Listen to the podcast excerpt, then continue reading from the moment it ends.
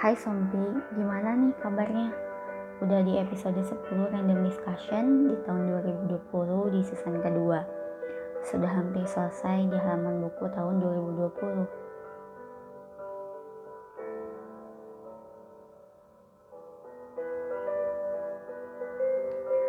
Katanya tahun ini tahun yang panjang. Banyak hal-hal yang tidak kita duga terjadi. Bukan hanya aku, tapi kalian juga mendapatkan ujian ini. Iya, ujian berupa virus corona yang menghantui ke mana kita mau langkah. Virus yang sangat kecil dan tak dapat kita lihat dengan mata telanjang. Hal ini yang menjadi kekhawatiran kita dengan makhluk ini. Kita semua tidak tahu kapan pandemi ini akan berakhir, karena hanya Allah yang tahu bagaimana keadaan yang akan datang. Dan aku yakin kita masih tetap bisa mengisinya dengan hal yang bermanfaat. Meski ya, mungkin ada banyak cerita yang membuat kita sedih, kecewa, menyesakan, dan juga menyakitkan. Karena bukankah waktu itu sangat berharga? Dan aku yakin kita pasti masih bisa bersyukur atas setiap kejadian dan memaknainya dengan baik. Bahwa di balik semuanya ada hikmah dan pelajaran yang berharga untuk kita.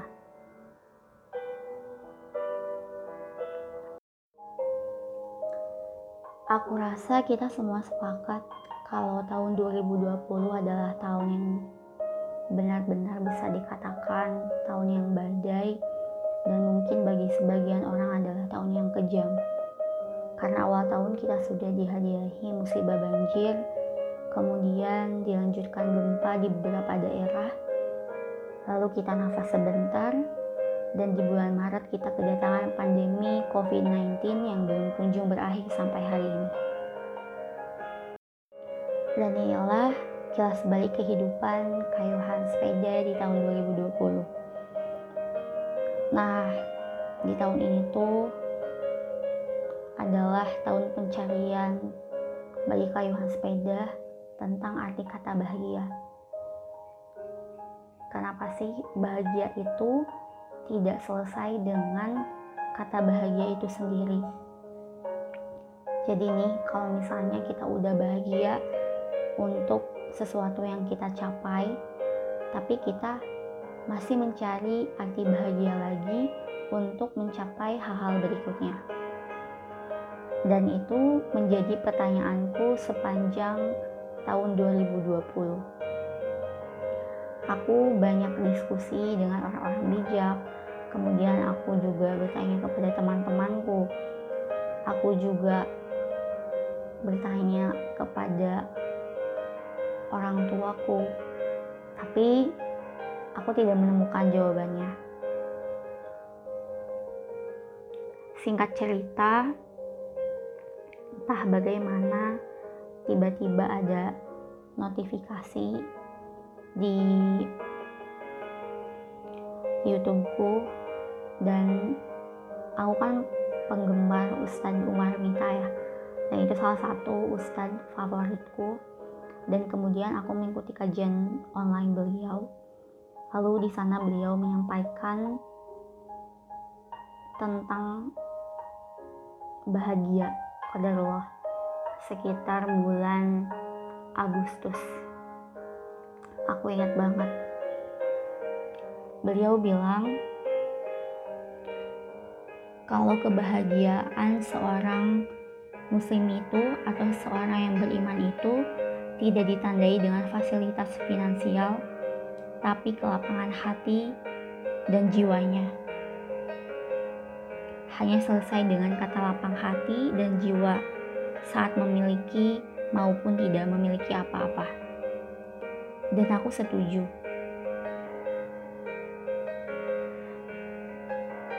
Tapi sayangnya, bagiku itu belum sempurna. Kenapa?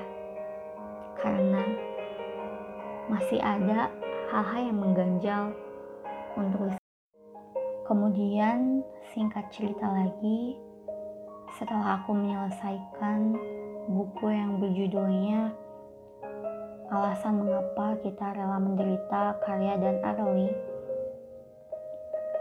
aku menemukan suatu hal. Bukan bahagia kata yang tepat alasan mengapa manusia rela menderita, tapi karena jalan makna yang dipilihnya. Maka daripada memikirkan mengapa bahagia tidak selesai dengan kata bahagia itu sendiri, aku lebih suka memikirkan alasan mengapa manusia rela menderita. Dan oh, iya, ternyata karena jalan makna yang dipilihnya. Jadi, aku sangat setuju ketika kita memilih jalan makna kita sendiri, kita akan bahagia entah kita itu akan mencapainya ataupun tidak, tapi karena kita sudah tenang dan kita sudah memiliki kelapangan hati dan jiwa kita saat memilih jalan makna itu, kita akan bahagia. Dan aku merasa harusnya aku tuh baca buku karya dan ahli dulu baru disempurnakan dengan kalimatnya Ustadz Umar Mita. Aku juga memaknai satu hal bahwa setiap momen yang sedang kita lalui saat ini adalah momen terbaik kita. Ya mungkin di tahun 2020 ini mungkin kita tuh banyak nangisnya, banyak kecewanya, banyak nyeseknya. Bahkan mungkin saat setiap malam, saat kita akan menutup mata untuk pergi tidur, Perlahan-lahan kita merasa takut. Apakah esok akan datang? Ya seperti itulah. Mungkin kita hidup hari demi hari dipenuhi dengan rasa takut.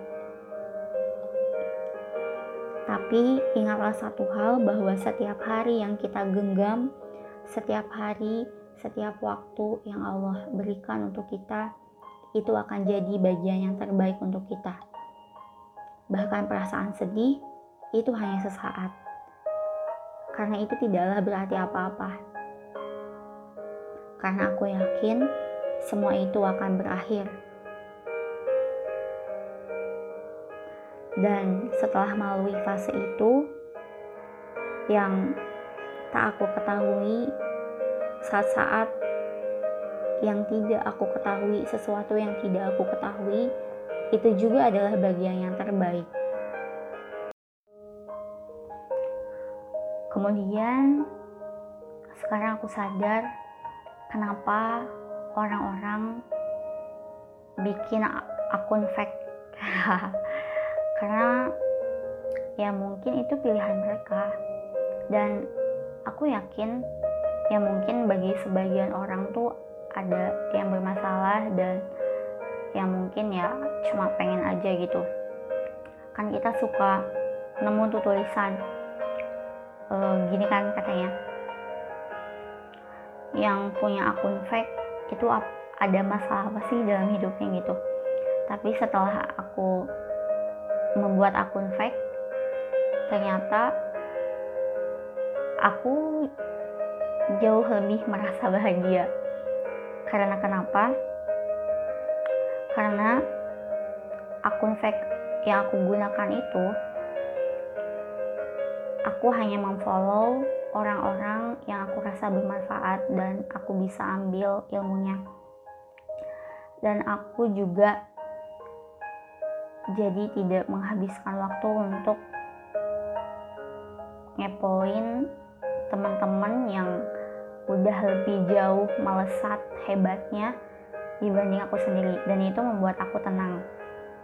Dan ingat ya tenang itu adalah kunci bahagia. Tadi aku udah bahas. Dan jujur aku punya akun Twitter tapi itu eh, aku gunakan hanya untuk belajar dari orang-orang hebat. Weh aku jadi ya jadi orang-orang hebat dari Jepang yang aku follow. Terus ya aku ikutin dan aku juga merasa banyak belajar tentang desain dari mereka. Kemudian aku juga punya akun fake Instagram dan bahkan akun fake Instagram yang aku gunain ini ternyata sebagai akun untuk riset pekerjaan konten dan aku ngerasa ketika aku menggunakan akun fake ini aku jadi lebih fokus untuk mencari hal-hal yang bagi aku itu bermanfaat gitu. Dan ini jadi ruang kelas baru bagi aku sendiri. Karena aku bisa belajar technical things kayak financial planner kemudian kelas-kelas self improvement sampai kelas bahasa juga aku ikuti kayak gitu. Nah kalau misalnya kita bisa menggunakan fake account ini untuk sesuatu yang berguna aku yakin itu akan bermanfaat untuk kita. Dan ketika orang-orang bertanya ada masalah apa sih di hidupnya? ketika kita membuat fake account ya aku rasa kita nggak ada masalah apa-apa. Tapi kita hanya ingin menepi dari keriuhan dunia sosial media jadi ketika teman-teman ingin membuat fake account ya aku rasa nggak apa-apa dan aku juga belajar bahwa tidak ada yang terlalu cepat dan tidak ada yang terlalu lambat. Semuanya tepat waktu menurut Allah. Ingat ya, bukan waktu kita, tapi waktunya Allah. Dan mama selalu nasihatin aku kayak gini sih. Kalau rezeki itu kayak hujan. Kalau misalnya udah waktunya turun, itu pasti akan turun. Dan kita nggak bisa maksa nangis berdarah-darah minta hujan ketika kita lagi ada di musim salju. Beda lagi kan hujan salju, hujan salju sama hujan air. Kayak gitu. Jadi semua tepat waktu menurut Allah bukan menurut kita. Jadi, nikmati momen terbaikmu karena setiap momen adalah momen terbaik kita.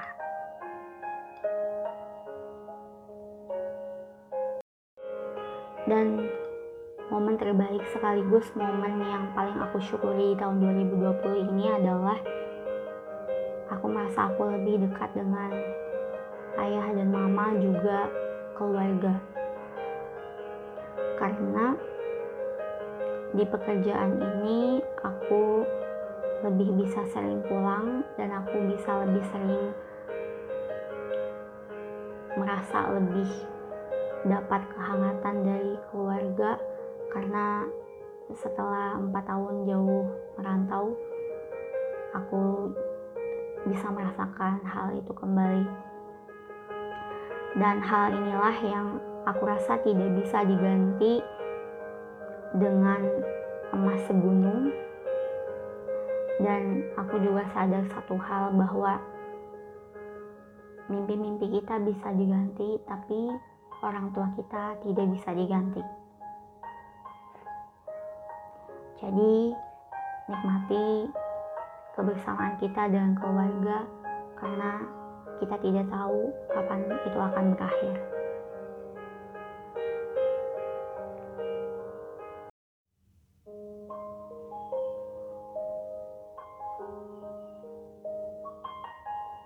Jadi mungkin itu adalah kilas balik dari kayuan sepeda di tahun 2020. Semoga bisa bermanfaat khususnya untuk aku sendiri dan semoga bisa bermanfaat juga untuk kalian.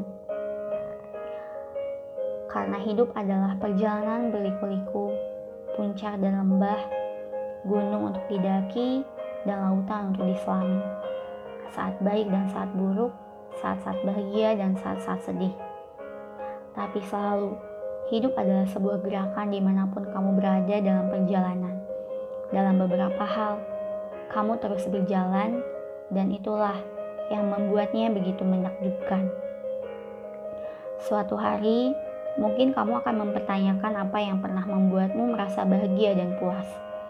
Dan selanjutnya, kamu akan mengikuti arus dengan sempurna. Iya, hidup itu misteri. Kalau kamu berhenti mencari misteri dari hidup itu sendiri, itu artinya kamu memilih berhenti. Meanwhile, mati.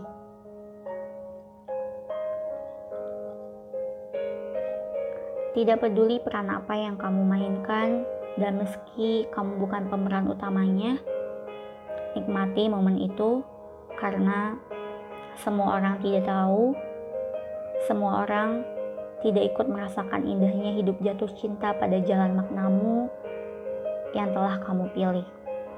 Sekali lagi, aku akan menjelaskan berhenti bukan pilihan bagi kita bagaimanapun kita memaknai tahun 2020 ini, kita harus ingat satu hal bahwa di tahun ini kita masih menemukan puing-puing hikmah yang Allah berikan. Dan semoga puing-puing hikmah itu bisa menjadi pengingat kita saat berada di fase-fase sulit supaya kita tidak melakukan hal, bodoh lagi. Sebab kita sudah bertahan sampai detik ini.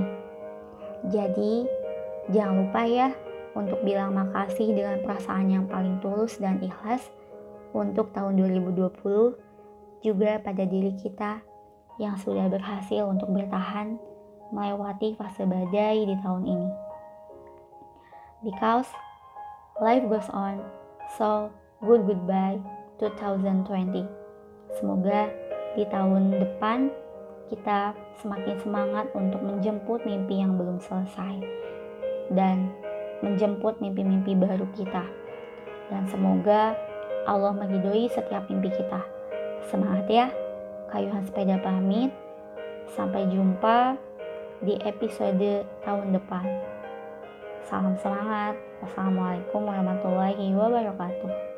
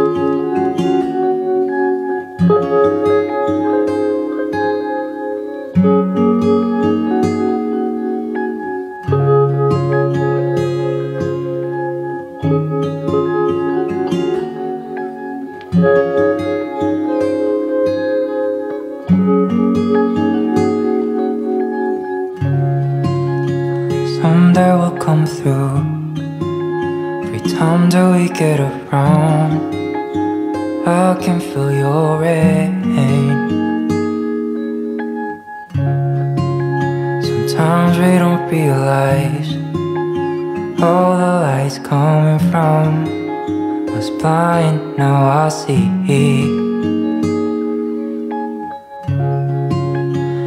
Under the mountain I see this bird hanging from the trees.